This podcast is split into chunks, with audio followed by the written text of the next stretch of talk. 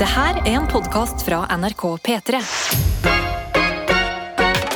Sånn, la oss Der var det. tørke bort tårene og starte denne dagen på ekte vis med å ønske deg hjertelig velkommen inn i vår bitte lille imaginære stue. Ja, Det er en stue hvor alle La oss se på det som eh, stuen i Friends. Da kan man gå inn døren og bli med. Verdens beste stue! Mm, Stuen i Friends. Eh, Og her har vi et eh, gigantisk langt frokostbord som vi kan se for oss at vi sitter rundt og slurper litt kaffe i. Og så er, er med så lenge vi kan før vi må av gårde på det vi skal. Ja, Ja. veldig bra. Um, ja, fader, altså. Jeg higer litt når vi begynte å snakke om Friends nå. Mm. Er det um, åh, Jeg vet ikke hvor jeg skal med tanken når det er en tanke. Men, okay, jeg, ble, men det- jeg ble veldig misunnelig på Friends eh, akkurat nå. Ja. Hvor jeg tenkte på Fordi når man flytter eh, til um, steder, så er det jo uh, litt vanskelig å flytte nærme nok venner til at Ja. man bare kan liksom gå inn og ut hverandres man, Da må man egentlig bo i samme blokk. Ja, det er min drøm. Ja, eller ha hus hvor man heller ikke låser døra, men da må man liksom gå et stykke, kanskje. Ja. Men er det da, burde man ha en avtale med et par naboer i Mm. blokka si? Du må si bare du, jeg låser ikke den døra, ja. og så bare her, du bare komme inn.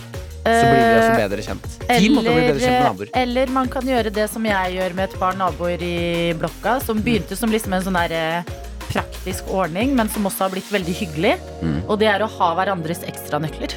Med naboen? Ja. For da er det sånn, jeg var ikke hjemme, så hadde naboene mine fått korona. Mm. Og så skrev de i sånn borettslag eh, Facebook-gruppa vår sånn Å, det er lørdag, ølsalget er stengt, og vi har korona, og det har gått på en smell. Har ikke drikke? Er det noen som har noe her? Og da kunne jeg sende melding og si Hei, hei, hei. Eh, dere har jo nøkkelen min. Gå inn i leiligheten min. Jeg er ikke hjemme, men um, der er det øl i kjøleskapet. Ja, Ja. smart, Adelina. At det er liksom sånn det, Fordi jeg vet ikke hvor lurt Det er ikke alle steder du skal bare la døra stå åpen, selv om det er en veldig koselig ting. Mm, mm. Fordi hvis det da blir innbrudd, så får du ikke igjen på forsikringen og alt mulig. Ja, men Da er du innbrudd mens du er hjemme. Ja, men Du har jo ikke den døra åpen når du ikke er hjemme. Da er det ikke lyst til å gå inn der. Ja, nå er jeg med. Jeg, Ja, jeg tenkte feil. Jeg tenkte at døra alltid Nei, nei, nei. skulle stå åpen. Ja, Ja, god tanke. Veldig fint. Har du, har du det bra? Har du sovet godt i natt? Eh, Jeg er ikke helt ferdig med den praten. Nei. Fordi at jeg har eh, tre venner i min gjeng som er naboer. Som bor i en liksom, De bor i Samme. hver sin blokk. Jeg burde også Jeg kjenner på utrolig eh, sorg, da. For å ikke Ja, men det skjønner jeg det veldig Ja, godt. Det skjønner jeg veldig, veldig godt. Det er jo en drøm sånn der, ok, tusle bort til deg på ett minutt. Eh, Men eh, man, da kan det hende at man tar hverandre litt for gitt, faktisk. Ja, for det må være i samme blokk hvis Ja. det skal gå. Eller at det er hu- rekkehus. Eller rekkehus som man kan rive ned veggene på og bare gå inn i støvet. Eh, det hadde vært, ja, men da hadde jeg smekka inn en dør mellom den skilleveggen. En slags sånn katteluke, Ja, bare for for mennesker. mennesker. Ja. Eh, jeg har det bra. Eh, det er eh, torsdag i livet, og Det er eh, informasjonen. Ja, men jeg skal til sangpedagogen min i dag. Ja, skal du det? er så Eh, gøy. og det er alltid litt sånn her da Jeg har gått til jobb og liksom øvd. Eh, Fordi jeg er så redd. Ja, det kan jeg ikke si til deg. Det er Ah. overraskelse til Ah. show i morgen. Er det det, ja? Ja, ja, ja. Men eh, tro meg, det er noen ordentlige saker. Eh, Men jeg har litt sommerfugler i magen og litt sånn, er litt stressa. Det skjønner jeg. Fordi han er så flink og egentlig veldig snill, men jeg, kjenner, jeg har ikke lyst til å skuffe han. så jeg er litt nervøs i dag i kroppen. Men du skal da synge en sang til uh, tøytene som kommer på show, Mm, og og til meg. Ja. Men det er sangpedagogen du ikke vil skuffe? Eh, Å ja, ja, ja, dere vet jo hvordan jeg er. Ok, Jeg Dere tror, vet jo. Jo, jeg tror sangpedagogen din også vet hvordan du er. Eh, ja, men jeg møter han sjeldnere og i mer liksom proffe settinger. At, ja, men sånn, vi sitter i et rom, og han sitter på et Du, det er sant! Han sitter på et piano Ja. i liksom et rom som er leid for anledningen. Mm. Det er mye proffere. Møtes vi i uproffsettinger? Nei, men her er det, som vi pleier å si, et trygt rom. Skal vi spørre folk sånn, du har lyst til å møtes, men helst en uproffsetting? ja, Men, ja, men jeg, skjønner du hva jeg mener? Ja, jeg hva og du det er en fin ting at jeg er mer nervøs for å skuffe han enn dere. Fordi at det betyr at jeg er trygg på dere. Å ja, så du er ikke trygg på han? Eh, i- ikke like trygg som på Ok, deg da og er jeg glad. Det er og fint å dette høre. rommet. Ja. Veldig fint. Eh, hvordan går det med deg, Martin? Det er din Du, siste jeg torsdag i er jo tilbake igjen i livet. Ja. I går, Vi snakket om det. Jeg var uprofesjonell i går. Mm. Var på mitt eh, trøtteste gjennom to år i P3 Morgen. Ikke sant? Og hvis det var trygt fordi du var her med meg og med tøytene, føltes det trygt. Ja. Men tenk hvis du skulle hatt et møte med noen. Så hadde det vært verre å være puffy og trøtt der, ikke sant? Ja, ja, for så vidt. Men det er ikke så mange som har så høye forventninger til meg. Sånn, jeg kan. Mm. Det, det er ingen som blir overraska hvis jeg kommer inn sånn. Ja, Ja, hvis du skjønner. Ja, jeg skjønner. Du har bare lagt lista litt for høyt. Ja, Ja. men det er problemet i livet mitt. Ja, ja. Jeg imponerer jo folk når jeg klarer å gå en tur opp, opp og ned et Og du har gjort det utrolig smart. Ja, Du har gjort det veldig bra hvis Ja. du sier et ord riktig. Jeg falt sånn Oi, Martin! ja ekvivalenten. Yes, ekvivalenten. Og det er sånn, Hør på vokabularet til den gutten der. ja. Eh, men det vil også si at eh, jeg har en ny livsgnist inn i dagen i dag. Å, så Jeg skal bra. være ekstremt på, ekstremt profesjonell. Skal gjøre mitt ytterst beste for å, å skape god stemning og underholdning hele veien i dag. Og jeg, ha, jeg vil starte med å si Mm. at jeg har med I, i dag har jeg med pink pomelo. Har du med pomelo? Jeg har med pink pomelo. pomelo? Oi, en liksom grepfruktpomelo. Har du smakt pink pomelo? Ikke pink, Nei. bare vanlig. Men hva er en pomelo? Det er en type frukt jeg har funnet, og jeg kjøper den ofte. Ikke så veldig ofte. Eneste grunn til at jeg kjøper den, er fordi jeg syns det er veldig gøy å ha pomelo. Ja, det er en gigantisk appelsin, på en måte. En gigantisk appelsin, Mm. og det er veldig mye arbeid for å kutte seg gjennom. Ja, det er Eh. fordi skinnet er veldig tjukt. Er kjempetjukt! Ja, Og nå har jeg med pink pomelo. ja. Pink Eh, pomelo. jeg har, ikke smakt pink. har du smakt pink? Nei. Nei, for jeg har bare smakt vanlig pomelo. Jeg òg. Nå skal vi smake pink pomelo. Du sier det så vakkert. Ja, tusen takk. Pomelo. Men jeg, sånn- jeg begynner å prate når jeg er litt på. Du er profesjonell. Jeg er profesjonell. Jeg er redd for at vi har sagt det blir en profesjonell dag, Fordi da har vi jinxet denne dagen. Eh, Men vi jinxer. Jeg håper du Ja. skulle bli mer gira på pink pomelo. Er kjempegira! Ja. Hallo! Er Jones, Dritgira. Jones, vil du også smake på pink pomelo? Pepperoni, pepperoni! Ja, det var reaksjonen, ja! NRK Martin. Ok. Eh, Vi skal inn i innboksen vår, både SMS og eh, Snapchat. Vi har med oss Snekker-Stian, som leverer uh, faktisk uh, humor jeg kan se for meg at du setter pris på. Åh, du er jo glad i sånn ordspill og sånn. Ja. Uh, han har tatt bilde av jeg, du, vet, du leverer sterkt i dag, Snekker-Stian. Jeg har tatt bilde av uh, totelotene sine, som jeg liker veldig godt. Du liker tær. Jeg syns det er digg med tær. Ja. Eh, det har jeg fått beskjed om å ikke si noe mer på radioen. Nå er du ferdig. Ja, ja. ja, jeg er ferdig med det. Han og så har han eh, lagt på øyne, munn og en nese på storetåen med en fjong sånn eh, flosshatt. Så tar han se ser litt royal ut. Ja. Eh, og så skriver han 'Vær så god, dagens tåpeligste snap'. Morsomt. Mm, mm. Morsomt. Mm. Jo, men det er eh, Og bare at du sitter og tegner rundt tærne dine på Snapchat, gjør meg glad. Ja, En ting du bedriver halv sju på en torsdag. Ja, Eh, Vi har fått en melding fra Juni som skriver God morgen, jeg har dessverre sovet dårlig fordi jeg har hatt nattevakt tidligere i uka og har problemer med å snu døgnet tilbake igjen. Men jeg har fri i morgen, så veldig snart venter langhelg. Er det, er, det musikken vi hører på bak oss, er det litt høyt, eller? Ja. Vær så snill. Jeg kan dempe den litt, bestefar. Ja. Og så må du ta den meldingen en gang til. Juni Ja. eh, skriver god morgen, jeg har dessverre sovet dårlig fordi jeg har hatt nattevakter tidligere i uka. Ja. Og har problemer med å snu døgnet tilbake igjen. Men hun har fri i morgen, så snart venter en langhelg. Ja, så deilig. Og det er en gulrot til å komme deg gjennom den, eh, den tøffe tida, da, Juni. Jeg syns det er så rart. Det er et gjennomgående problem, dette med døgnrytmen. Det er så lett å snu den én vei, og så vanskelig å snu den tilbake igjen. Altså Det er lettere å ødelegge enn å fikse, skjønner du hva jeg mener? Ja, og så jeg vet ikke helt hva jeg syns om at vi kaller det døgnrytme, fordi rytme forbinder jeg med noe gøy. Sånn derre ett, to, tre, fire, ett, to sånn. tre og fire og snu og hopp og hei! Så er det sånn, Når du må snakke om døgnrytme, så er det som regel ikke en god setting. Og så snurrer du partneren din inn. Ja. Eh, når man snakker om døgnrytme, så har man allerede tråkka i salaten, føler jeg. Da Mm. er det ikke i positiv forstand. For når det er, jo, for hør, for når det er positivt i døgnrytme, så trenger du ikke snakke om det. det er bare bra. lyst, ja, jeg er helt enig, hva har du lyst til å kalle det? Jeg vet ikke. Jeg vet ikke. Nei da. Jeg trenger ikke finne på et nytt ord. Også, bare, eh, for meg er ikke døgnet en rytme. Det er en stor liksom, sirkel, en slange. Døgnslangen. det er veldig gøy å tenke hvordan andre ser for seg liksom, at ting ser ut. Mm. Som hvordan et, eh, en dag ser ut, hvordan en uke ser ut, og et år. Bildet av et år. Hvordan Ja. er det for folk? Fordi for meg er det det toget vi hadde bakerst i klasserommet på barneskolen. ja, det er det toget. Husker du bursdagstoget? Og så er sommerferien sånn juni-juli. bare to gule måneder med masse fri. Og så begynner vi på'n igjen i august og frem til jul. Og så begynner vi helt på start igjen i januar. Bursdagstoget. Bursdagstoget, hadde dere vi, ikke det? Nei, vi var bare tre stykker i klassen min. Nei! Så vi hadde bare sånn taxi. En bitte liten taxi. Dere hadde en liten trehjuling? Ja, en liten trehjuling. Uh, Ja, okay. ja. Uh, jeg skal ikke plage dere med hvordan Nei, men jeg synes syns det er spennende. Ja. Jeg ser, når jeg ser året, så ser jeg det som en klokke. Ja, Eh, og så er vinteren på toppen ja, og sommeren på bånn. ja. Mhm. Skjønner. Det er sånn det er i hodet mitt. Ah, så så din er en sirkel? jeg er ikke så god på klokka heller. Nei, Nei, men året. I dag er det 24. februari. Ja, ja, ja, Vi har fått en veldig koselig melding som jeg ble veldig glad av, hvor det står 'God morgen'. Nå som jeg satt og hørte på Yellow, så følte jeg på at dere har vært en sykt morsom og fin duo på radioen. Jeg skal fortsette å høre på deg og en ny sidekick, Adelina, og jeg skal høre Martin i dynga. Takk for alle morsomme øyeblikk gjennom årene. Det er veldig hyggelig. Ja, Litt jeg- sånn reality check, fordi jeg klarer ikke å forstå jeg, at uh, vi ikke skal sitte her neste uke til på morgen og være idioter sammen. Ble jeg kalt psychic, eller? Du ble kalt uh, sidekick. Å, Ja. fy faen. Ja. Etter to år? Etter, etter to år i denne morgenkrigen? Og så være helt ærlig, Ja. det står ikke dynga, di står karakter. Ja, men i helvete!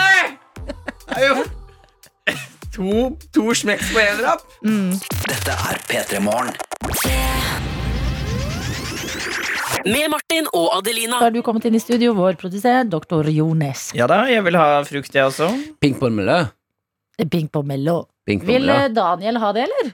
Kom da, Daniel, Daniel. Videojournalist Har Daniel. du spist pomelo før? Hva er det det heter for noe på norsk igjen? Pomelo. Pomelo. Men heter det ikke granateple? Nei, nei, det er noe annet. Men det er Oi. i samme slektskap, er det Hei, ikke det? Daniel! Nei. Her det ping Pomelo er mye det er- det er servering. Servering. Men eh, vil dere eh, vite Vi har fått en fakta eh, om nettopp denne frukten på SMS. Ja, mens du leser den, så skjærer Martin Og det vil si det er en litt sånn eh, Se her nå. For en nydelig Oi. Ser du det hvite? Det skal ikke spises. Nei. Det er så mye skall. Det er ja. gode 3-4 centimeter med skall før du kommer inn til det Kjern. Det ser ut som en kjempesvær appelsin eh, med lyst skall. Hvis jeg skal si hvordan dette ser ut. Ja, det er altså så mye skall for så lite eh, juice. Men på denne meldingen her er det litt mm, Begynner å lukte frukt. Her står det 'God morgen'. Fine tøyter står det her. Og det er oss. eh, Og deg som hører på. Her kommer en litt rar fact som dere ikke har spurt om, men som er kjekt å vite om pomelo. Og det står 'Pomelo er på no no-listen sammen med andre som er granateple, stjernefrukt og tranebær for transplanterte. Siden inntak av disse typer Så er det noen som har noen transplantasjoner i studio, skal jo være forsiktig med å innta denne frukten her nå. Hva mener du Daniel fikk jo Jeg transpa transplantert en hjerne en gang, Ja. Ja. men uh, den funker ikke så bra. Fantastisk. Takk for meg. La oss le alle. Jeg var ikke så dum, Røy. Heller det enn eh, ansiktet ditt som har blitt bytta bort. Eller stygge. Nei. Unnskyld. Det ikke vi til Det er hverandre, synd. Det er den hjernen din. Den er ikke skrudd på ennå. Ok, det er fordi sosiale er ikke skrudd på. Unnskyld. Du fikk en hjerne uten sosiale antenner. Ja, ja.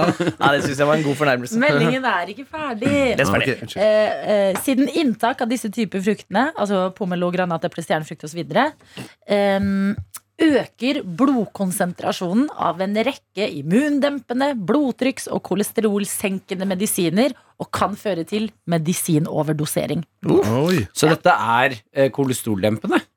Eh, nei, altså det kan gjøre at kolesterolsenkende medisiner får lavere effekt. Så medisiner som gjør at kolesterolet ditt skal ned, Mm. kan få en mindre effekt hvis du blander det med Ja, fordi Eh, pomelo. allerede er stempende. Det er Nei, vanskelig å jeg- jeg beskrive tror- og forklare sånne her ting til Nesodden her. Ja, jeg, tror, jeg, tror, jeg, jeg skjønte hva du mente, Martin. Hvor Eh, Adelina, mener jeg. hvor har, Martin. fått, hvor har du fått tak i pommelonen? Du, den kjøpte jeg på um, Torg eh, bakgate. En bakgate. En- bakgate. Jeg har en ping-pong-lo-fyr. Fra Statene. Og bare- fra Statene. og for å rygge-. Ja, ikke sant Og for å rygge helt tilbake igjen til starten av brettet. Hvorfor spiser vi det? Og, og så må vi også anerkjenne at Russland driver og kriger med Ukraina samtidig. Så hvis ikke det er Russland ja. ikke ta det inn her. Vi trenger mer tid. Tror ikke vi har angst, eller hva skal vi gjøre, Jones? Å spise, åpenbart spise pommelom, da. Ikke dra inn det mens vi koser med. Ja, nesten Følg radioregler. Det er du som er produsenten. Ja. Men hvorfor spiser vi det? Eh, Vi spiser det fordi pomelo er verdens morsomste frukt. Jeg liker den ikke. Jeg syns ikke det smaker så godt. Men jeg elsker å ha pomelo hjemme. For da kan folk være sånn, hva er det? Så kan jeg si å, det er pomelo.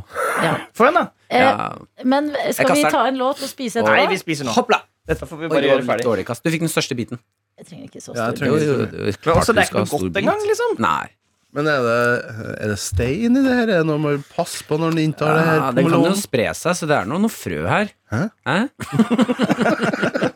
Men jeg synes det var deilig. er det Du smaker som appelsin? Jeg har ikke smakt pink pomela. Det var veldig Det blir hard. bare rarere og Nei, rarere det hvordan du smaker uttaler denne frukten. Pomela. Pomela. Pomela Jeg syns det Andersen. smaker appelsin Pomelo som er litt Andersen. Ja. Artig. Ja, det var det er som en vannmelon. Nei, det er som appelsin. Ja, men- han kan vel få lov til å smake hva han vil? Nei, det er ikke det. vet da faen ikke Ja, men du hvordan det smaker i munnen. Det smaker jo appelsin, og den vet du. Nei, du vet hva, Jeg er faktisk litt med på Det er noe hint av noe vannmelon her, Ja. men den er litt fastere. Så det gjør at hjernen blir lurt til å tro appelsin. Pomelo er babyen til vannmelon og grepfrukt. Ja, ja, den er jeg med på. Tusen Jeg lurer på om Du, det var du bra ligging. Hvis, ja, blir ja, ja. Du som hører på nå, jeg anbefaler Hvis du er um, får tilbudet om å kjøpe pomela, så kjøp pink. Pink Jeg er enig. Pink var bedre var enn den mye gule. bedre enn gule. Mm. 100 Det er en utrolig gøy frukt. Og Ja, kjempegod. helt. Mm, Utrolig lite gøy, men veldig god. Hva heter han fyren du kjøper pomelo av? Han er Pamela. Ja, Pamela. Anderson på meg. Ja. Nei, det er ikke Takk, bra. Martin. Det var god. Vi prøver. God morgen. Dette er NRK. Vi som av og til kjører tog, og dere som kjører tog hver eneste dag, la oss slå sammen! Et slag mot makten! Ok. Jeg, har- jeg har kjørt en del tog i det siste. Ja. På, for en jobb fram og tilbake til Lillehammer. Mm. Eh, har ikke vært den, den Altså, togtoalettet. Mm. Hva er det Yr Hva er det de heter igjen? Ikke Yr. Vy. Vy, ja. Hva er det Vy Hva er det som skjer? Hva Er det vi driver med? Mm. Jeg skulle på do på toget i går, Ja. eh, og da er det Jeg må inn i et romskip. Og Har det syns jeg er litt gøy. Ja, når Nei, de, det, er sånn dør som bare ja, Jeg trykker på knappen, så Og så åpner liksom halve veggen seg. Mm. Eh, men så er det samme dårlig togdoen, den lille. Der du, du, nesten så jeg ikke kan sitte på den. Ja, men det no, du kan få noen store òg, men da må du gå litt rundt i toget. Nei, det orker jeg ikke litt Nei, nei. Men jeg går i hvert fall på do, eh, og så eh, tør jeg ikke å jeg, jeg stoler ikke på den låseren, for det er jo bare en knapp. Ja. Så jeg vet jo ikke om den er låst eller ikke. Eh, så da vil jeg gjerne teste det, så jeg trykker på åpne-knappen. Men da låser jo døra seg opp, og så åpner døra. Og da er det masse folk som står og stirrer på meg. Nei, Med, ja, altså jeg har på klær og sånn, men de står og stirrer, og så tar det dritlang tid før den døra lukker seg igjen. Så jeg blir stående i skammen om at de vet Altså nå er jeg sånn Jeg er på utstilling i at jeg skal på do og bæsje, og jeg må bare stå der og være sånn Ja. Og de ser på meg, alle vet at jeg skal på do, og så lukker den døra seg. Ja. Og så gjør jeg meg ferdig, jeg syns det er dritskummelt. Mm. Åpner den døra igjen, og husk det, det er jo halve veggen åpner seg. Ja. Så jeg stinker jo opp hele tå, hele den vogna mi. Mm. Og det er en fyr som står og snakker i telefonen rett utafor. Ja. Og jeg må ekte Det er ikke tull. Jeg sier til han når jeg kommer ut, og den, for jeg prøver å finne lukkeknappen i panikk. Ja, ja. Jeg vil ikke at det skal begynne å lukte vondt i hele toget. Mm. Jeg finner ikke noen knapp. Nei. Og da må jeg snu meg til han og si «Bekl- unnskyld. Ja. Og han er sånn Jeg vet. Og jeg, vi bonder litt over at nå har jeg ødelagt togturen for ganske mange mennesker her. ja. Og Jeg vet. Og jeg ser på han at det lukter helt skit, ordentlig skitt her nå. Her, fordi at det er eh, Sist jeg tok toget, Mm. så var doen i en sånn mellomvogn. Nei, det er, For det det er nye er vogn. midt i vogna! Midt i vogna. Det er midt i Ja, det er litt weird. Jo, og det er jo halve veggen! Ja, Og den lukker seg ikke! De, dette har de gjort for at folk ikke skal gå på do på toget, altså. tror du det? Ja. Ja, og det, til dere som først- pendler hver dag og må på do, Ja. vit at dette Jeg skal ikke gi meg før den doen er litt mer skjult. Det, Jo, men jeg er helt enig. Jeg har faen, for en sånn skam! Jeg toalettangst. kjenner, ja, ja, jeg Ja. fikk det i går! Ja, ja, ja, ja. Nei, det høres ut som en kamp vi må ta. Nei, Nei, kommer Dr. Dr. Johnson kjører jeg, jeg kjører så mye tog, så jeg må bare komme her og irettesette litt. For Ja. det fins jo fremdeles de andre doene. Dette er jo den ha handikap- eller barneskiftedoen midt i toget. Ja. Du kunne jo gått og bæsja i Ja, fordi det er sånne Ja, ord imellom. Så mellomkjøpet. handikap og folk skal kjenne på skammen? Nei, men her er trikset, Martin. Eh, Og til deg som pendler som eh, må dessverre bæsje på, to eh, på tog. da Hæ? Pass på å gjøre det når man nærmer seg en stasjon, for da åpner dørene seg, så får du frisk luft inn. Ja, Det er faktisk ikke du så dumt. kan Ja, men du skjønner, du skjønner skammen. Ja, ja, ja. Forferdelig jeg, skam. jeg, jeg, vil, jeg vil anslå at jeg, når jeg har gått på den doen For jeg kjører jo fra Oslo til Hamar eh, Dr. Johns her mange ganger. Eh, og da så må man jo av og til på do.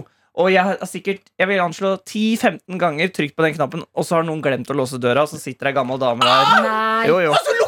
Nei, det tar veldig lang tid. Dette er NRK.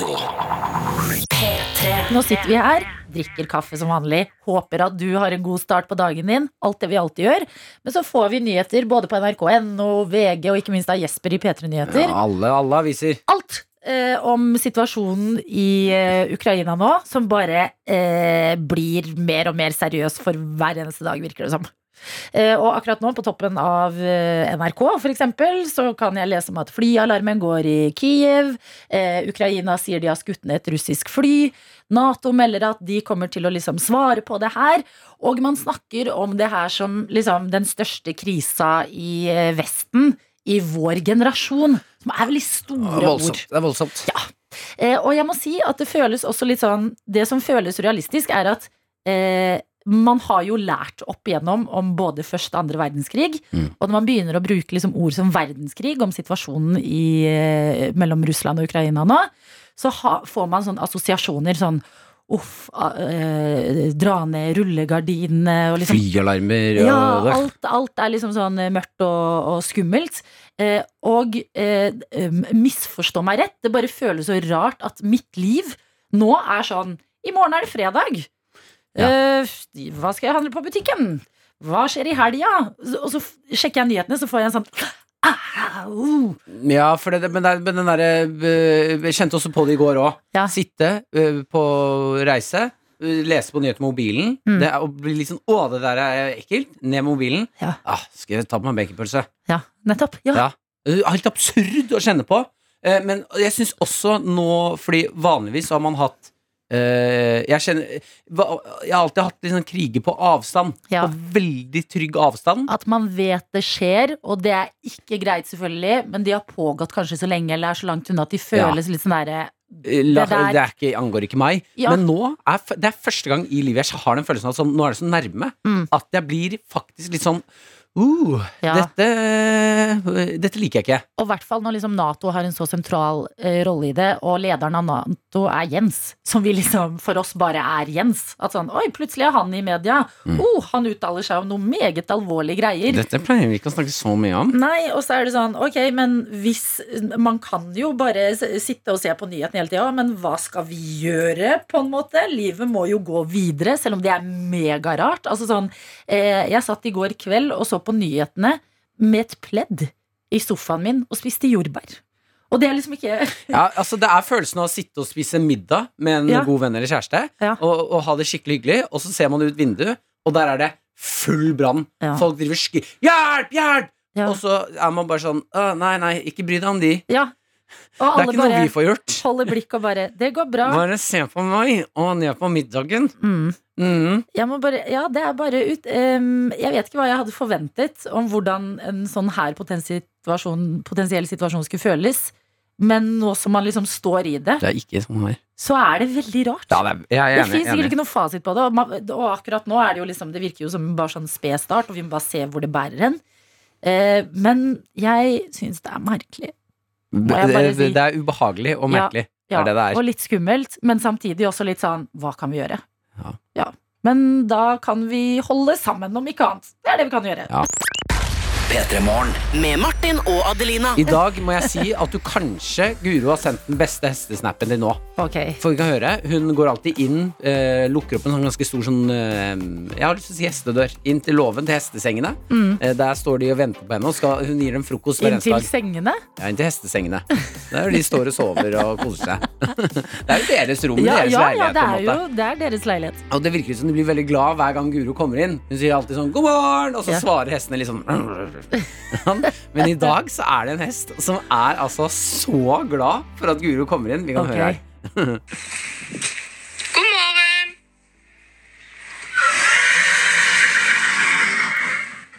Altså, Guro, du er elsket? det høres ut som en bil Ja. noen prøver å starte. Nei, faen, kløtsjen. Du må trykke kløtsjen. Du, men nå må du gasse mer, da. Jeg vil ikke starte! Men det er jo det. My first car was a horse. Ja! Nei, Guro, for en uh, glede å gå inn i stallen på den måten der. Mm. Og bli møtt av liksom hestevrinsk og eh, hester som skal våkne til å starte dagen. Ja, Du må passe på at uh, hvis du skal starte dagen med noen, så er det noen som er avhengig av deg for mat og kos. Mm. Ja. For da er de alltid glad for å se deg. Ikke sant? Mm. Eh, du snakket jo litt tidligere om at du har en høne å plukke med togtoaletter. Ja. etter å ha bæsjet på en togdo Mm. og syns at eh, det ble for mye lukt og opplegg i vogna. Mhm. Etter det. eh, Erik J er eh, skuffet over deg, skriver 'hallo, tøyter'. Martin, dette syns jeg du bare skal eie. Så hans råd er å ikke starte en togrevolusjon for bedre toaletter som fører til mindre lukt rundt omkring i vognene. Det er ei at vi mennesker noen ganger må gå på do og gjøre eh, bommelom. Ja, ja, men altså, jeg krever bare litt Jeg krever dører som kan lukke seg.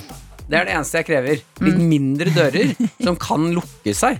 For den nye døra Den er ikke ny engang, helt sikkert. Den er jo gammel, gammel, gammel. Ja. Den der eh, eh, romskipet de har laget på Vydoen her. Men jeg syns det er så rart, fordi at er det én ting vi vet, alle mennesker, at vi gjør, Mm. så er det å bæsje.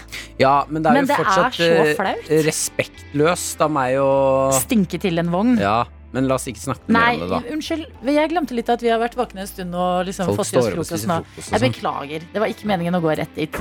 Dette er NRK NRK. P3. Vi skal snakke om noe jeg syns setter oss på kartet, Martin. Eh, har du vokst opp på samme måte som meg med Pacific Blue? Å, sykkelpolitiet, ass! Å, Sykkelpolitiet. fy fader, det var tider, ja. Det var eh, Det gikk alltid på sommerferien. Ja. Litt sånn sent på kvelden, men da hadde man jo lov til å være litt ekstra lenge våken. Og du fulgte med på politipatruljen i Santa Monica i California, som sykla rundt og slang fra seg syklene og var dritkule på jobb. Og det var alltid en kjeltring som løp gjennom et smug og veltet en søppelkasse, så de måtte hoppe over og gjøre triks. Vi fikk alltid blåmerker og mye greier, og så tenkte man sånn shit, det er kult å være politi i California. sykkelpoliti. Sykkelpoliti.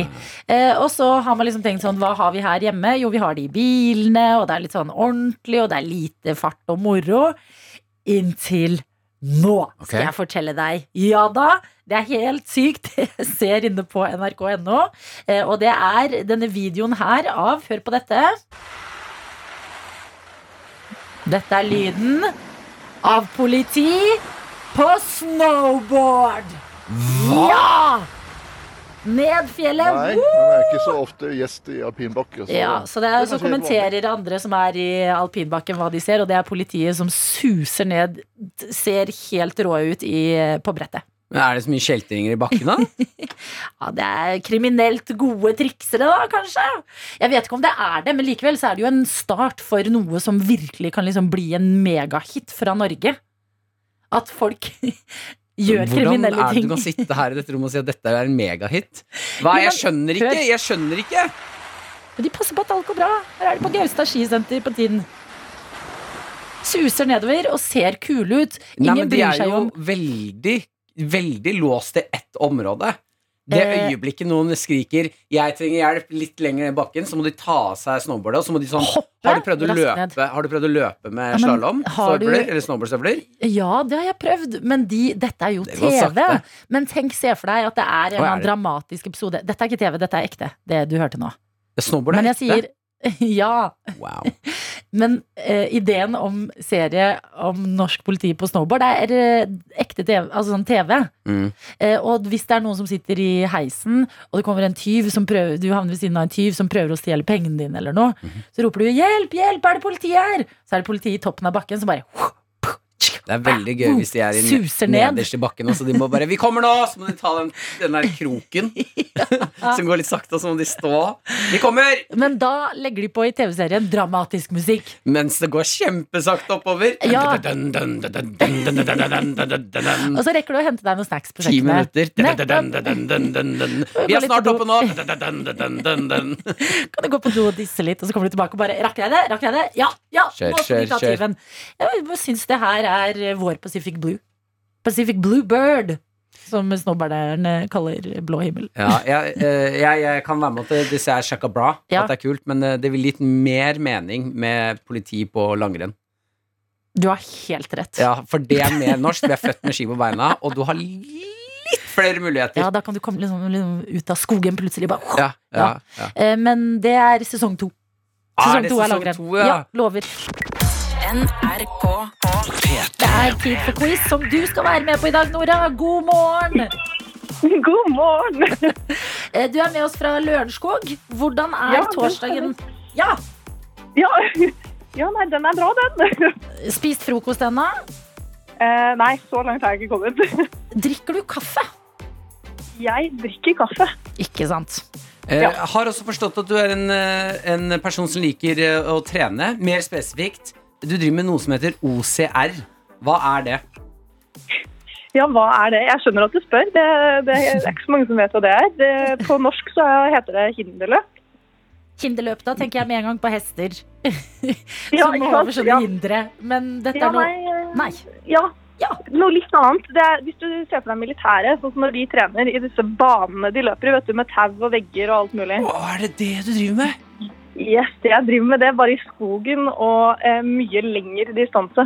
Og det her er jo en slags sånn eh, voksenleking. Altså sånn eh, klatre over eh, Ja. Hvor, alle dager, hvor er det du Er det masse greier? Eller driver du og klatrer i trær, eller har det, er det en løype? Er Liksom? det organisert? Det er organisert. Det er, eh, jeg er medlem i Midgard hinderløpsklubb, som er Norges største klubb som driver aktivt med det. Eh, Men det arrangeres løp over hele Norge eh, som da går under disse OCR-løpene. Eller så finnes det liksom typ tufteparker da, hvor du kan trene på det. Eh, For noen som leter etter nye hobbyer å drive med, er det sånn at man må på audition for å være med i klubben? Nei, dette er for alle sammen. Absolutt alle kan være med. Det er veldig gode nyheter for sånne som meg. Jeg ble veldig nysgjerrig. Hvor ofte det trener dere? Er det sånn trening tirsdag klokka 17 og torsdag? Ja, nei, det er ikke, det er ikke helt som liksom håndball når jeg var barn. Eh, vi Nei. møtes en gang i måneden. Oh, ja. Ja, og så må man liksom ta den der treninga litt for seg selv for å liksom velge hvor høyt du vil satse, da, eller hvor mye du vil legge i det. For det skal jo være, det skal jo treffe enhver, så da kan man Ikke selv sant. være individuell. Ja, Veldig bra. Du har også med faren din som støttespiller i dag. Helt riktig. Han er hodejeger. Hva, hva, hva betyr det? Hei, god morgen, pappa. Hei. Hei, hei, hva heter du? Jeg heter Ole. Burde vi være redd for deg, Ole? For hodejeger skremmer meg. Eller hva er det? I- Nei, det er jo stort sett bare arbeidsgivere som er redd for at jeg skal stjele medarbeideren deres, tror jeg. Så det er den type hoder jeg jakter Altså, på. Headhunter, Martin. Ikke sånn fysisk jage hoder. Jeg har bare sett filmen med Aksel Hennie, Hodejegerne. Det er det jeg tenker på. når det er... Men den gir et helt nøyaktig bilde av hvordan vi har det i hverdagen. Ja, men For en herlig duo. Kan vi spørre deg, da, eh, Ole. Hva er dine hobbyer? Hva stiller dere med liksom, av kompetanse i det dere skal inn i quizen? Hobbyer, ja. Nei, altså, jeg er litt, eh, litt redd for å si at jeg, en av hobbyene mine er ny musikk. Eh, for det blir jo fallhøyde da, Ja. på det i denne konkurransen, har jeg skjønt. Ja, nå har du sagt det. Ja, vi nå er, det, nå er det der ute. Jeg kan ikke ta det tilbake. Ikke Så sant. Ja, men to hoder skal slås sammen og jobbe på når vi veldig straks skal bevege oss inn i quizen vår. Dette er NRK.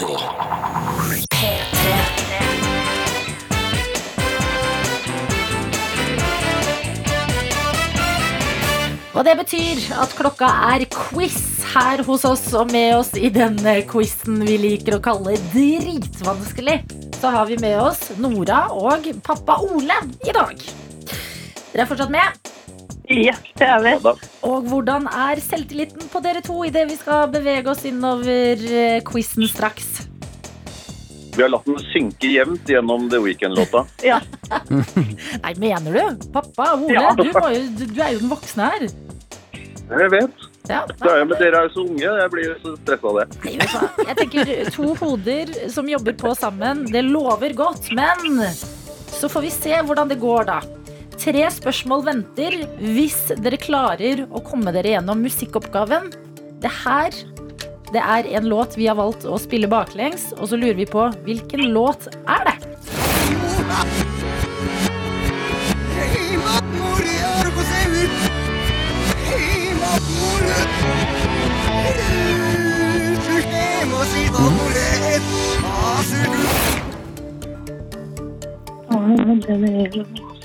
Er det rumpa mi, liksom?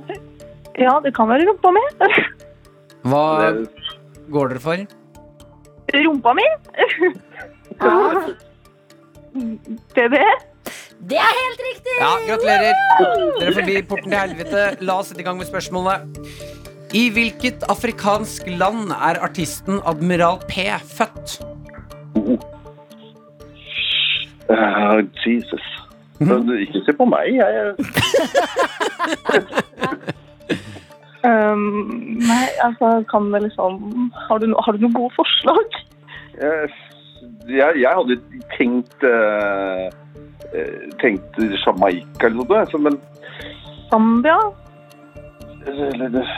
Da trenger vi et svar. Skal vi, skal vi si Zambia? Tre, to, én. Dere går for Zambia? Ja. Det er helt riktig! Nei! Fy fader, jeg er reddet av datter. Og du har hørt før. Ok, Veldig, veldig bra, dere. Da beveger vi oss videre til et nytt spørsmål. Hva er tidenes mest solgte spillkonsoll? Det må jo være PlayStation. Ja, jeg føler det må være PlayStation. Dere går Det altså bør være PlayStation, ja. Ja, Ja, eh, ikke Gameboy. Gameboy hadde sin periode, men det har Ja. falt, da. Jeg vil også spesifisere at dette er en meget vanskelig quiz, så jeg trenger et mer spesifikt svar enn PlayStation. Oi, sassy. Det er flere konsoller innenfor PlayStation. Du har 1, 2, 3, 4, 5. Oi. Da sier jeg 5. Men du sier 5? Nei, nei, det er den siste. Ja, Den fire, er- ja, fire er den er vel den alle har. Ja, da sier vi kanskje PlayStation 4, da. Vi resonnerer oss til fire, vi. Dessverre. Nei. Dere er to hakk unna. Det er PlayStation 2 som er tidenes mest solgte spillkonsoll. Ja, ja. Oh, men det var så koselig å høre på dere jobbe sammen og svare på spørsmålet. Pluss Nora, at du tok Zambia der. Altså blew my mind. Jeg kjente meg eh, veldig enig i far her, som sier 'ikke se på meg'. Jo, men Ole, er du klar over hvor mye autoritet du har som far? At vi kommer alltid i et rom til å se på deg og være sånn Fiks det, da. Du er voksen. Mm. Ja. Det, Eh, verste, det verste er jo det at PlayStation 2 det var jo noe som alle hadde i sånn røftlig 2000-drager. 2001. Ja. Så burde jo, og den kosta jo ingenting heller. Mens de andre koster jo omtrent en halv bondegård. Ja, Ja. Så dette, dette her hadde resonnert en halv bondegård. det er veldig godt. Jeg beklager dere, det ble ikke seier i dag, men det ble koselig morgenstund. P3 Morgen. Med Martin og Adelina. I morgen er det fredag. I morgen er det fredag. Ja. Det er ikke i dag. Kan jeg ta snappen nå? Ja. Uh, her står det 'God morgen, fine tøyter'. Fordi det her, altså Jeg syns det er spennende når jeg kommer på jobber folk har som man ikke tenker så mye over. ja. Eh, nå nyter jeg en kopp kaffe med min nye Mummikopp. Veldig fin kopp.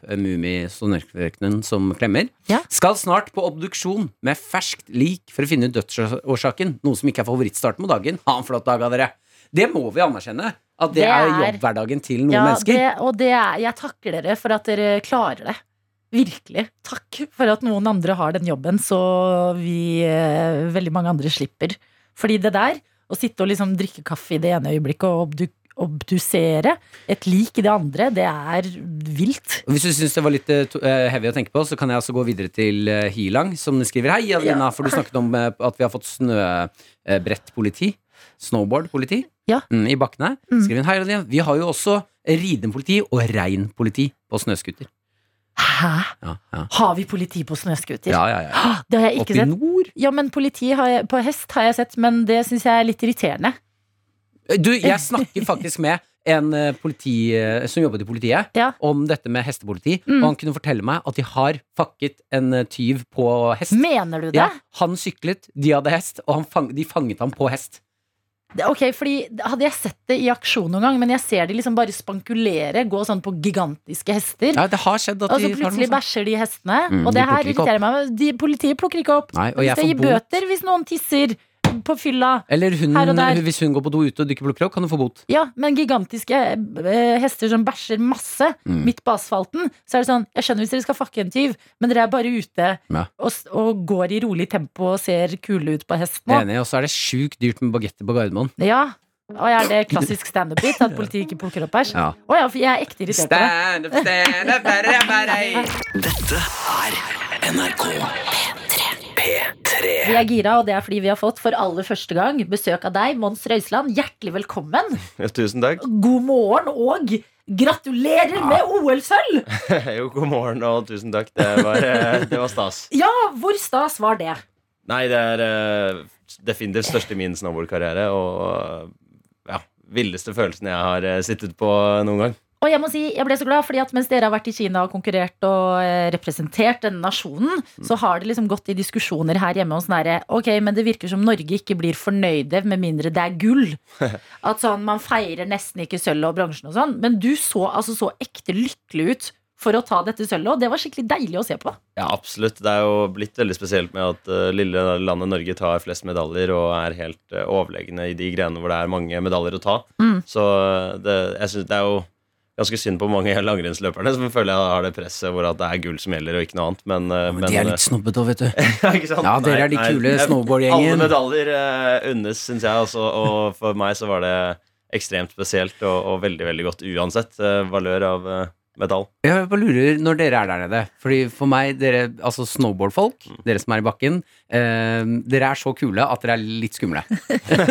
Jeg er enig. Eh, men når dere da møter langrennfolk og sånn, er dere da eh, Er de litt eh, Er det de nølende, på en måte? Og dere er kule? Skjønner du hva jeg mener? Nei, eh, absolutt ikke. Eh, vi, vi Ja, men vær ærlig. Vær ærlig. Helt ærlig så, så føler jeg bare vi på snowboard eh, har det gøy og er kanskje litt mer useriøse. Ja. Eh, men, men kuleskalaen er vanskelig å bedømme, og, og jeg Ja, ikke sant? Det er kult svar. Nei, men, men, men, nei, nei, men eh, langrenn er en nydelig gjeng, og jeg kjenner ikke de så veldig godt, men jeg møtte jo en del av gutta der nede og sånn, og, og superfete sosiale mennesker, og vi hadde litt sånn felles eh, rom nede der og så på andre idretter og fikk eh, forklart litt når vi så på ski og eh, altså Twintip og Birk og gutta som eh, Mm. kjørte der, så eh, Nei, veldig god tone all over, altså. Ok, det er bra. Det er godt å høre. Ja, Men vi må snakke, fordi at eh, du tok sølv i Big Air eh, og gjorde blant annet en backside Hva for noe? 1620 melon grab. Ikke, det er, hvordan skal vi skjønne Fordi jeg hører at det er kult.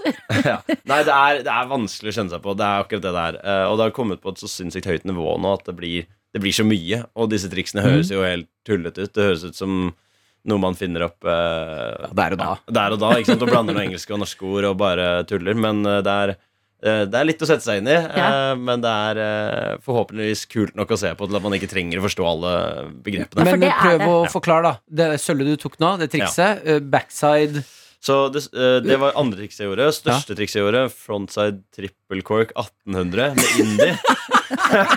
så det er enda verre. Ah, Du hopper deg opp, så- du flyr gjennom lufta. Da hopper jeg på topp, kjører min vanlige vei fremover, og så spinner jeg frontside, som er én av fire retninger å spinne, og da starter jeg rotasjonen med magen ut av hoppet. Ja. Eh, og så tar jeg min høyre hånd eh, mellom bena og tar på brettet. Mm. Og så flipper jeg over hodet mitt tre ganger, tre saltoer, mens jeg spinner fem ganger rundt meg selv. Å, fy faen. Så det Det er, jo veldig mye irritasjon. Altså, det er jo, Jo, men- mer imponerende det det er jo dette en kommentator må si. Nå, nå du, har Tre saltoer og snurra fem ganger rundt! Ja, men jeg er helt enig. Dere, det er jo mye mer imponerende hvis man forklarer ordrett hva det er. Det er sånn backside, flip, blam, grab. Høres sånn herre ah, ja, Du bare gjør noe chill, liksom. Men å høre dette her Men da er man jo Da, da blir det litt eh, Kan man kalle det sell-out igjen? Da. Man vil jo at det skal være de som skjønner seg på det òg, som, som sitter og faktisk står opp midt på natta og ser på det her, som skal Ja. det er veldig kult å høre på. Så Mm. vi hadde veldig flinke kommenta kommentatorer på OL, og, Mm. og eh, de, jeg synes de var, gjorde en kjempejobb på både å gjøre det folkelig og, og forklare til de som kan det. Vi ble besteforeldrene, Martin. Ja, kan dere ikke kalle Ja. det Ja. Det baklengs er en salto, da? snowboarder inne i dette rommet, Ja. så blir vi litt mindre kule. Ja. Men jeg har én ting jeg lurer på når du hopper Yes. så Eller dere da hopper så langt og høyt som dere gjør. Som jeg ikke helt forstått. eh, For jeg har hoppa en del på ski sjøl. Jeg sleit alltid med å skjønne når bakken kom. Ja. Hvor- hvor- hvor- Hvordan er det dere trener dere opp til Fordi når du snurrer fem ganger rundt, sek- fem saltoer, hva skjer i hodet ditt når skjønner du når den bakken kommer? Nei, det det er et eh, godt spørsmål. Det er en hårfin eh, liten lite millisekund hvor du prøver, du prøver å se tilbake hele tiden. Eh, og så prøver du å lære deg du gjør, du gjør jo disse triksene mange ganger, og så lærer du deg hvor du kan rekke å se bitte litt av bakken.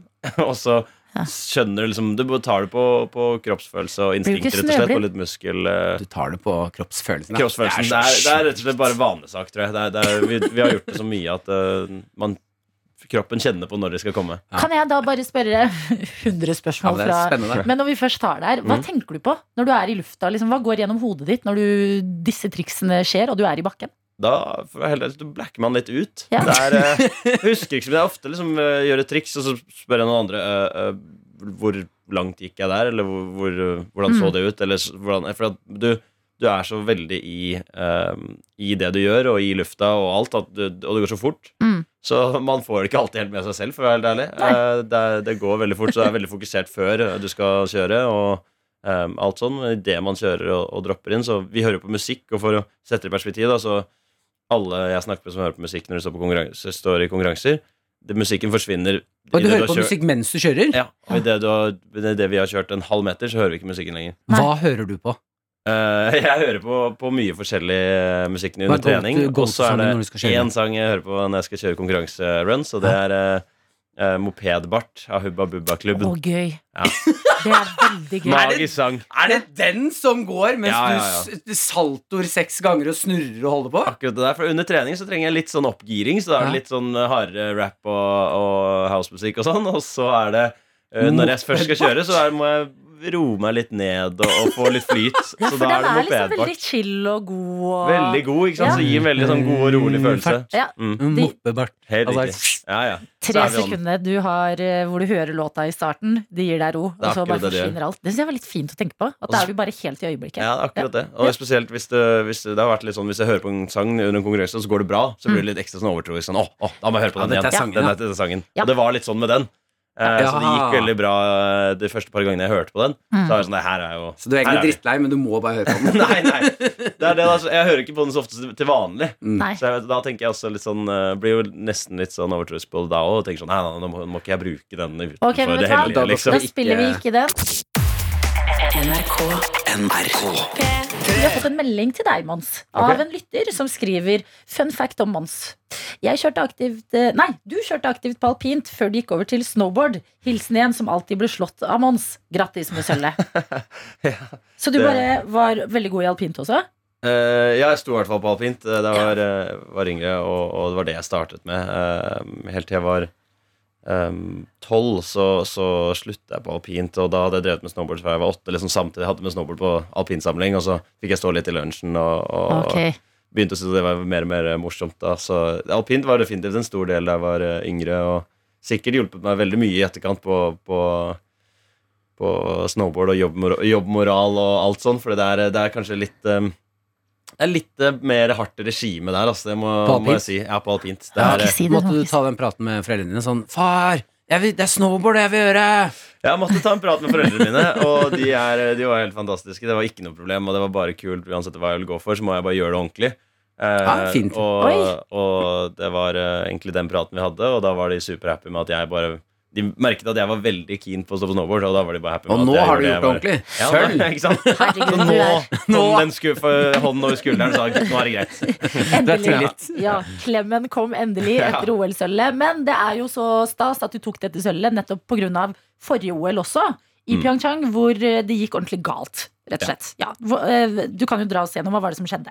Ja, det var eh, Da hadde vi egentlig en veldig kul start på OL i Pyeongchang. og Vi alle sammen kvalifiserte fra Norge. Jeg og Torgeir, Markus og Ståle hadde en drømmekvalik i slopestyle. Og så eh, skal vi kjøre finale, og, fem, og så har vi kjørt trening. Vi får en time trening før vi starter å konkurrere. Så fikk vi eh, var jeg kanskje på mitt siste eller nest siste run før vi startet, fem minutter før eh, practice sluttet, så faller jeg veldig stygt. Og sikkert mitt eh, Eller det er mitt livs verste fall til den dag i dag, hvor jeg eh, brekker brystbenet og et par ribben og separerer AC-leddet, så eh, alle, alle ligamentene alt. Alt sammen i overkroppen. Altså, jeg, jeg følte jeg hadde blitt uh, påkjørt av en bil i overkroppen. Det var helt forferdelig. Uh, og da får jeg jo ikke konkurrert, selvfølgelig, eh, og må dra rett før vi starter. Og det var bare helt Selvfølgelig var det vondt, men det var bare så Ja. hjerteskjærende. Hele greia var så trist. Ja. Å s- sitte og høre på slopestyle på livesending fra ambulansen etterpå var så kjedelig. Ja, men hvordan er det da i et sånt øyeblikk? Fordi at det er jo, som du sier, det var et veldig stygt fall. Mm. Eh, eh, er det så klisjéfylt at liksom alt flasher i revy? snarere kommer jeg meg noen gang tilbake på brettet? Eller Ja, hva du tenkte får jo, du? det blir mørkt oppi hodet en liten periode der. Altså. Det, er, det, er, eh, det er en liten dragkamp eh, i toppetasjen, og det, det gjør at man, det er viktig med gode mennesker rundt deg. Jeg hadde veldig god fysio fra Olympiatoppen, Lars Haugård, som var med på sykehuset og bare tok det med ro og dro jokes og fikk det og ga en veldig god trygghet. Så det, det handler om gode mennesker rundt seg, og det har vi definitivt både i snowboardlandslaget og, apparatet rundt. Så um, det gikk fint, men det var jo selvfølgelig bare helt jævlig. Det var Mm. dritkjedelig og, og kjipt, men eh, sånn er det i snowboard. Det er som originalsport, og alle får skader. Så det var på en måte min tur, og det var sykt dårlig timing, men uh... Har du lært å ikke varme opp så hardt òg? nå er jeg holder det litt tilbake under trening. Ja, for jeg tenker tok- sånn, Noe av det her er litt på deg. Ja, Sånn, du, du hadde ikke trengt å klikke. 100%, 100% Det handler om smarte valgene. Ikke sant? Så, så jeg holder meg i hvert fall unna det trikset. har jeg ikke gjort siden. Det er, det er et triks som er sånn Det er flere på landslaget som har skadet seg skikkelig på akkurat det. Hva er trikset for noe? Det er på en rail, så det heter backside hardway 2 Mhm. på en rail. Og da forklarer du det for oss. Så jeg forklarer det som at du kommer mot eh, en rail, som er et uh, metallelement som vi sklir på. Ja, Eh, og så kjører du med, med railen bak ryggen din uh, når du skal hoppe på, og så spinner du uh, mot For meg så er det mot venstre oppå eh, Nei, mot høyre oppå railen, eh, så da kommer du veldig blindt oppå. Du ser ikke så mye. Eh, og så må du løfte baksiden av brettet ditt høyt for å komme opp. Og, Men jeg løftet ikke høyt nok og kom borti railen på vei opp. Uh, så eh, da smalt jeg fremover og landa på, på skulderen. Ja. Ja. Men da lurer jeg på, når du skal liksom i gang igjen etter en sånn skade, uh, så er man liksom redusert og må starte på et mye lavere nivå enn det man ga seg på Mm. rett før man ble slått ut. Ja. Eh, Er det sånn at det setter en sånn støkk i deg? Eller sånn, får du en frykt? Eller får du mer en sånn der ekstra sult på å komme tilbake og gjøre det bedre enn noen gang? Ja, det er, eh, nei, det er nok det sistnevnte. At det blir, eh, du blir eh, veldig, veldig sulten når du sitter her og ser på alle andre være på konkurranser, gjøre det bra, um, prøv, ja, se på progresjon av sporten, alt mulig rart. Så sitter du hjemme eller på, på treningssenteret og rehabber og holder på, så det er, det er ekstremt kjedelig, men jeg tror i lengden at det er ganske sunt òg. For man, Mm. blir, man kjenner veldig på den gleden av hvorfor du gjør det, og, og hvor dedikert man er. Da. Mm. Eh, og det gir veldig drivkraft egentlig eh, videre. For du får bare Du får ekstra lyst til å ta igjen, og da på starten av sesongen når alle andre kanskje er litt i hvilemodus og bare skal komme seg litt i gang, så er du veldig på ball og skal eh, og har, måte, har så mye tapt tid. da Ikke for å ta igjen, for det er ikke det lureste heller, men, men for bare du har så mye snowboardglede i deg. Ja. Så du står jo kanskje et par timer lenger enn alle andre. Ja, det er fint. Sant? ja. Ja, det synes jeg er fint å høre. Og den snowboardgleden den kom jo også til uttrykk i OL, hvor det ble sølv. Og vet du hva, vi må snakke mer om dette OL-et. Dette er P3 Morgen.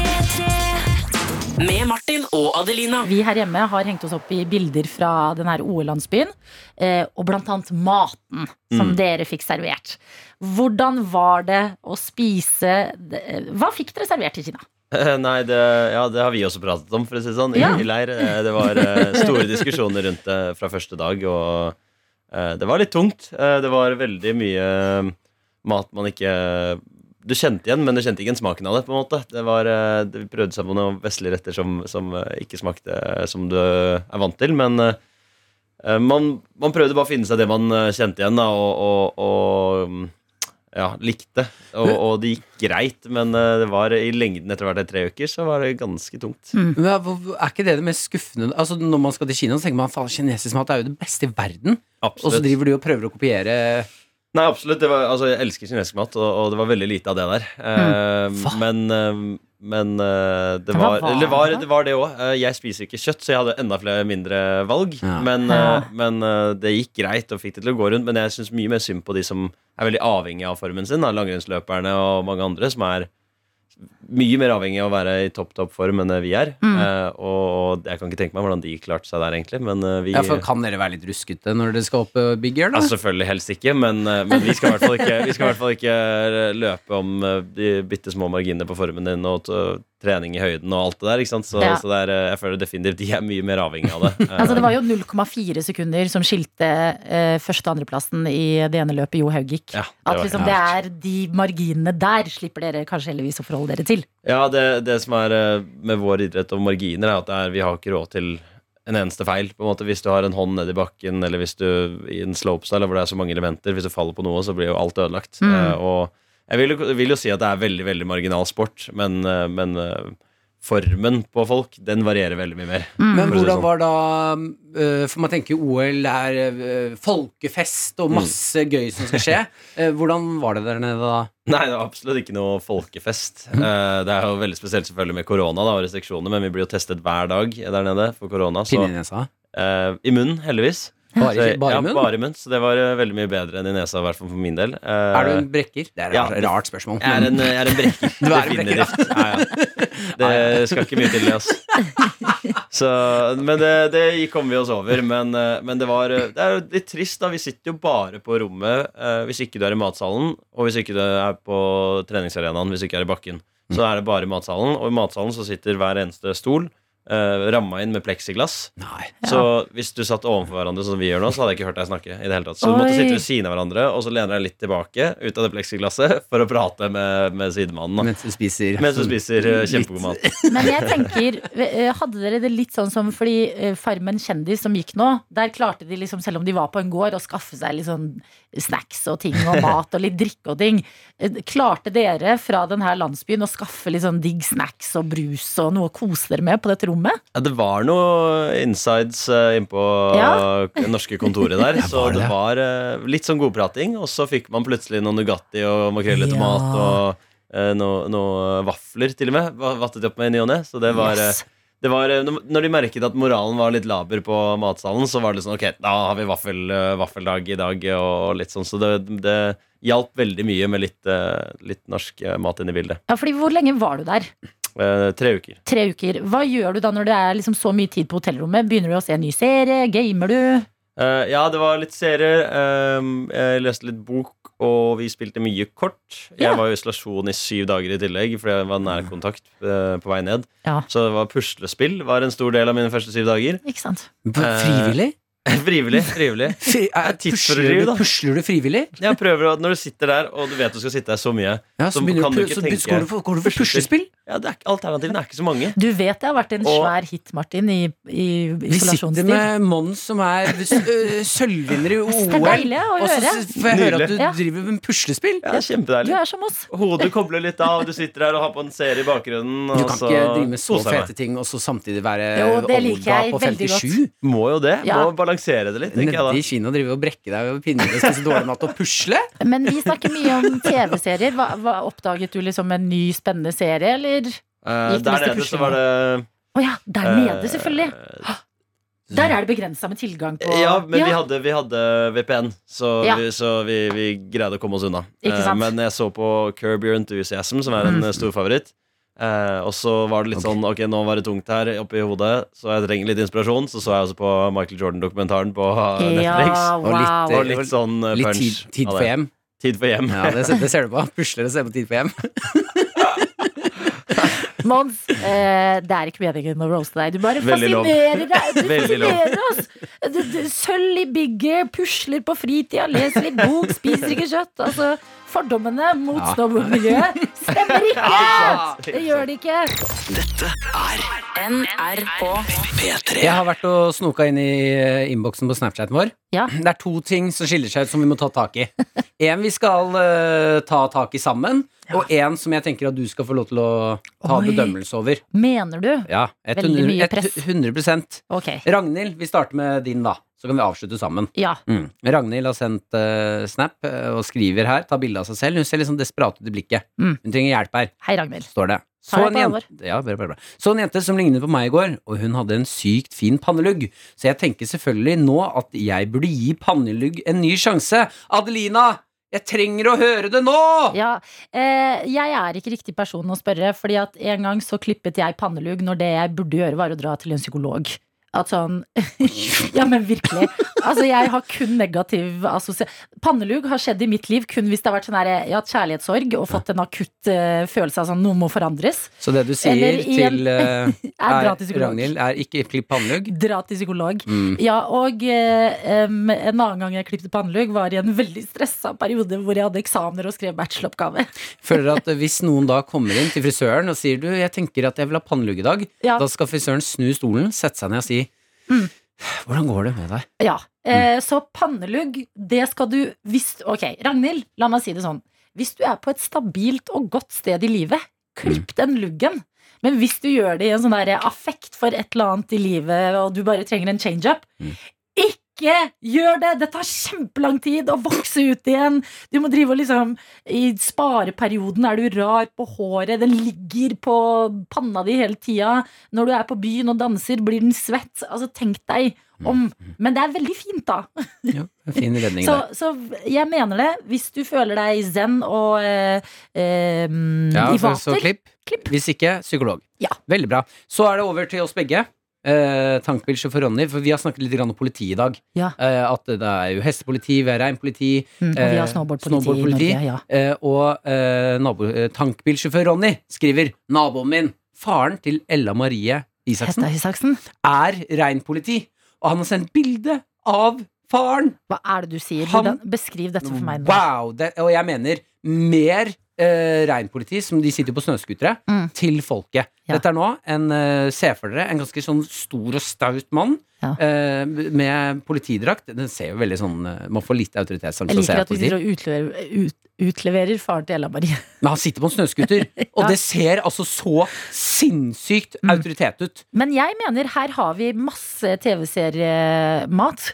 Altså sånn, Tenk, de hadde sykler i California, og det ble en hit.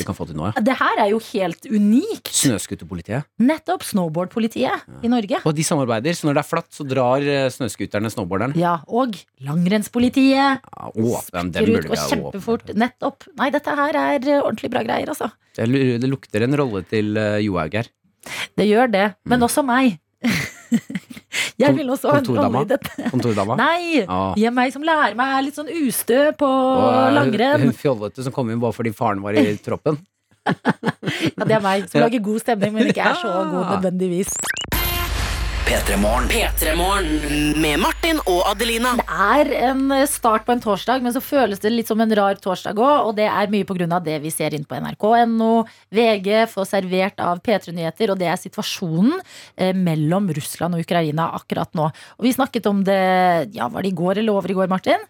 At noen ganger når man snakker om den konflikten her, så snakkes den litt over huet på oss. At vi får liksom stadig de nye siste oppdateringene på hva som skjer, og nå er det smelt her, og nå er det sånn. Ja, Men så føles alt litt uoversiktlig. Litt uoversiktlig, så eh, i den anledning har vi huket tak i deg, Ole Andreas Klevan, som jobber vanligvis i NRK Nyheter. Det stemmer. Hjertelig velkommen til oss. Ja, tusen takk. En viktig oppgave har du fått og det er å forklare oss.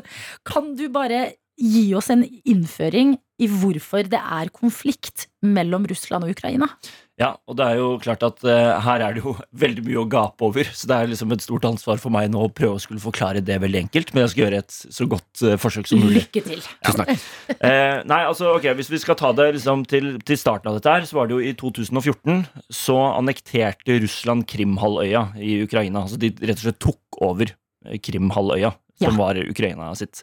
Og siden det så har det jo vært eh, situasjoner i Ukraina hele tiden. Eh, og mye av eh, grunnen kan man si til at eh, altså Russland ønsker ikke at Nato skal komme nærmere Russlands grenser, for å si det enkelt. Mm. Russland ønsker, mener at eh, Nato er At de har prøvd å ha et forhold til å snakke med Nato lenge, men at de ikke har fått til noe. Og de mener at de har, Putin sa for i dag morges at han føler at de har blitt holdt for narr av Nato og Vesten. Russland har det? Ja. De føler seg litt De- utenfor? Eh, ja, og de, føler, og de føler at eh, Nato på en måte er eh, Det er flere ikke sant, som har sagt at de føler seg at Nato er truende. De vil ikke ha Nato eh, lenger innpå seg. Nei. Derfor er jo eh, den på en måte diplomatiske klinsjen og konflikten som på en måte har vært nå den siste tiden, har jo vært at Russland vil at eh, Nato skal gi et svar om at Ukraina aldri får være med i Nato. Mm. Men så sier jo Nato-Vesten at det er jo opp til land selv å kunne få bestemme om de skal være medlem av eh, Nato eller ikke. Og der ligger det en diplomatisk clinch. Så det er jo én sånn krangel Ja. som er vanskelig å løse opp i. Fordi siden de har Ukraina så tett på seg, så vil de ikke at liksom enda et naboland Skal bli Nato. Ja, Det for da har de Nato og USA liksom luskende i bakgården. Helt riktig. Og Putin omtaler jo mye av eh, den delen av Øst-Europa som sin bakgård. Ja. Og det er jo litt av poenget også, ikke sant, er at eh, Putin og Russland har et forhold til de, disse landene her som er et helt annet. Putin så jo på, eh, eller flere eksperter som sier i hvert fall at Putin så på Sovjetunionen som en storhetstid. Mm. og da var jo Russland og Ukraina samme land, ikke sant? Da Mm. var jo de under samme union. Så han mener jo, og har jo sagt, at eh, Ukraina er stort sett, eller mye, da, bygd opp på russisk historie og kultur. Eh, og at det er et broderfolk i deler av Ukraina. At han eh, har på en måte lyst til å eh, Jeg føler litt eierskap til det, da. Helt riktig. At han føler han har tapt land ved at Ukraina er et selvstendig land. Det, ja, det kan man si. Eh, og, og da i tillegg til det ikke ønske at eh, For etter, etter 2014 så fikk Ukraina ny president. Ja. Eh, da vendte Ukraina seg mer mot Vesten, mot EU, mot Nato. Det likte Putin dårlig. Mm. Han vil jo at eh, da i så fall Ukraina skal være Russland-vennlig eh, og mot Russland, ikke sant? Eh, og da annekterte jo de Krimhalvøya. Og så har vi disse som du har hørt mye snakk om, eh, Luhansk og Donetsk, disse to fylkene eh, øst i Ukraina. Ja. Eh, hvor det er også da eh, ukrainske separatister, prorussiske eh, folk, som styrer deler av det. Ja. Eh, hvor det nå da har kommet eh, militære og sånn inn, da. Eh, så, så for å prøve å si det enkelt Putin ønsker ikke å ha Nato nærmere seg.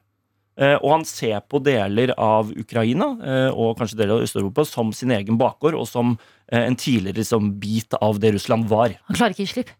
Det virker jo ikke sånn, da. Putin klarer ikke å gi Dette syns jeg du forklarte Veldig bra. veldig elegant. bra. Ja, mener du det? Ja, dette men, nå forsto jeg absolutt alt. Ja, virkelig. Og du blir, når vi først er i gang, og du forklarer ting og det gir mening for oss, ja, da må du bli her, Olav Andreas! Dette er NRK Gi oss en innføring, du som er så tett på alt som skjer i Russland og Ukraina gjennom din jobb. Mm. Eh, Fortell oss her i P3 Morgen litt, fordi det er ikke alltid vi henger helt med. Nei. Og det er mulig det gjelder bare Martin og meg, men i så fall, da gjelder det oss. Jeg Tror det gjelder flere. Altså, jeg kan si, Det gjelder oss som jobber med det òg. Ja. Det, er sagt. altså, det er kjempevanskelig å ha kontroll på alt, og det skjer så mye så fort hele tiden. At det er veldig mange ting det er vanskelig å bekrefte. Det er mange ting man må sette seg inn i, og det er usikker på. Så dette er, det er, dette er vanskelig for folk som jobber med det òg. Det sagt. Men det er litt sånn Det er deilig veldig å godt høre. å høre. Ja, faktisk. Men akkurat nå så vet vi at liksom eh, alle avisforsider er eh, teipa med masse saker fra Ukraina hvor det bombes og styres og ting skjer. Ja. Og så føles det merkelig, og dette snakket vi om tidligere i dag i Petermorgen, at sånn livet vårt er jo vi, vi vet at det skjer, og vi vet det ikke er bra, men så er livet vårt vanlig. Vi gleder oss til fredag, og det blir fredagstaco og liksom sånn. Ja, ja. Det er en veldig merkelig situasjon, men betyr Altså, hva betyr eh, konflikt mellom Russland og Ukraina som pågår nå, for oss her i Norge?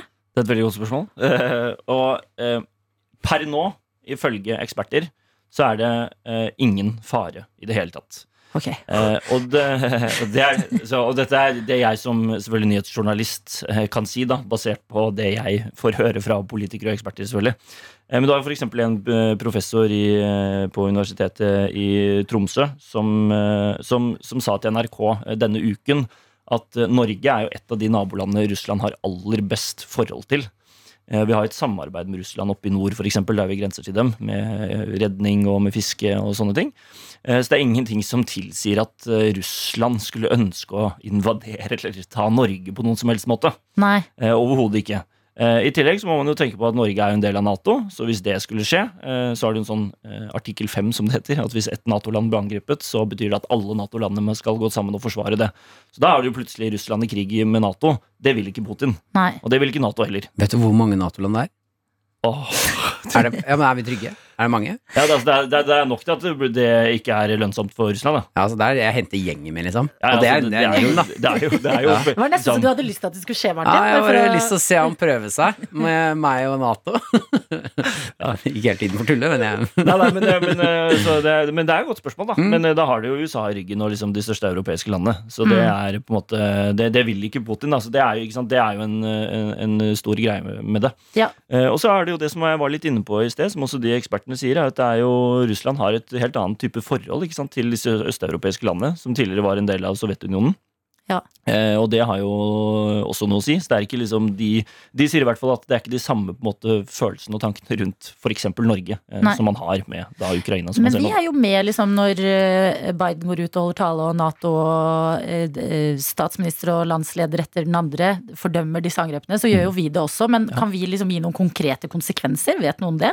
Ja, altså Det er vanskelig for meg å si eh, akkurat konkrete konsekvenser fra Norge. Det jeg vet at Jonas Gahr Støre har sagt i dag tidlig, er jo at det tydelig fordømmes fra Ja. Norge, disse handlingene. Og og da man- lurer jeg på, hva betyr det? Fordi det er sånn å skrive på Twitter sånn, nå fordømmer jeg dette angrepet, så er jeg sånn, ok, men hva, hva har det å si? Nei, Det er vel å gi et eh, stort internasjonalt signal om at det ikke er greit å krenke liksom, folkeretten på den måten, eh, og anerkjenne eh, Luhansk og Donetsk som to eh, separate eller selvstendige stater, som åpenbart er en del av Ukraina. Mm. Det er ikke greit, eh, vil da det internasjonale liksom, miljøet si. Eh, Ja. Derfor fordømmer vi det. det. det vi sier dette er ikke greit, vi er ikke enige med dere. Det er liksom gi det signalet. da. Ja. Og så vet vi jo at USA og EU skal gi da såkalte sanksjoner. Altså de skal innføre ting som de håper da skal gå utover den russiske økonomien, f.eks. Eh, Tyskland har jo for eksempel gjort en ganske stor sånn sanksjon nå ved å kutte et sånt gassrør, eller bygging av et gassrør til Russland, sånn at Russland ikke får solgt masse gass. Ikke sant? Ja, for det ting. her føler jeg man glemmer også litt. Grann. Det er jo masse eh, sivile i Russland nå som får svi for det her. Ja, og det, det, kan jeg, det kan jeg ikke liksom uttale meg så mye om, da. Men det er jo helt sikkert uh, en del uh, russere også som ikke er enig i dette Ja, her. Men, ja, ja. men det tør jeg ikke å si noe om. Det hadde ikke jeg turt å du si noe om. Jeg syns du har sagt eh, masse bra til oss. Jeg føler meg mye klokere på denne situasjonen. Tusen hjertelig takk, Ole Andreas. Og lykke til med å selv være påkobla alt som skjer, for nå er det utvikling hvert eneste minutt her, altså. Det er det. Absolutt. Lykke til, da. Hjertelig. Dette er P3 Morgen. Med Martin og Adelina. Vi har fått eh, flere meldinger vi kan ta med en eneste gang. Var det Ole Andreas aka Støre-parodichamp dere hadde besøk av? Eh, ja. Helt riktig. Det var det. Eh, en som kaller seg selv for meg i innboksen, som skriver det er 30 land med i Nato. Å ja, er det så mange? Det er bra. Ja da, og eh, En så dem. Over til noe litt annet. Baby Yoda har sendt oss en melding Mhm. og skriver Gleder meg til premiere på Kongen befaler i kveld. Ja, det er i dag, det. er I kveld. Hvor du er med, Martin. Helt riktig. Og så står det her Hvilken linje har du lagt deg på, Martin? Litt kreative og alternative løsninger, eller en Jon Almås-type løsninger? Uh, ja, i hvert fall ikke Jon Almås-løsninger. Den, den dekkes nok eh, av Harald Eia som er med. Ja. Uh, det er en bra gjeng med. Uh, jeg har nok gått mer for Det tok litt tid før jeg kom inn i det. Vit at jeg starter litt rolig. Mm. Jeg er litt sånn, jeg er ikke husvarm hjemme hos eh, Atle. Nei. Han er et fantastisk fint hus, som jeg etter hvert skjønte at jeg får lov til å gjøre hva jeg vil. Eh, så det var eh, Det ble faktisk en oppvaskrunde blant de som lager programmet, om at eh, de som har eh, ansvar for sikkerheten for mennesker, må være litt med på jobb når jeg er, er der. Ja. Ja, jeg fikk ikke kjeft, men det var noen som fikk øh, Jeg, jeg syns det var veldig gøy når jeg skjønte at eh, her er lov å tenne på ting med bensin. Mm. Så Det er farlige ting å oppdage. jeg, jeg lager et show. Jeg skal, ikke, jeg skal ikke si hvem som vinner eller hvordan det går, men jeg, skal, jeg lover deg, jeg lager et show i hvert fall. Eh, jeg ser for meg at du har potensial til å gjøre det veldig bra her. Ja. At sånn, noen ganger sånn, eh, så kan man overtenke en Mm. situasjon, og vinninga går i spinninga. Det tror jeg ikke du gjør. Ikke ett sekund Nei, overtenker jeg. Du er sånn her, eh, hodet kaldt, en løsning som kanskje man ikke hadde tenkt på basert på liksom, eh, tekstbøkene og, Mm. og ting. Ja, og så funker det. Jeg, tror, jeg, jeg har kjempeforventninger til deg. Ja, ja. Ja, Det er det bare å fortsette å ha. Ja.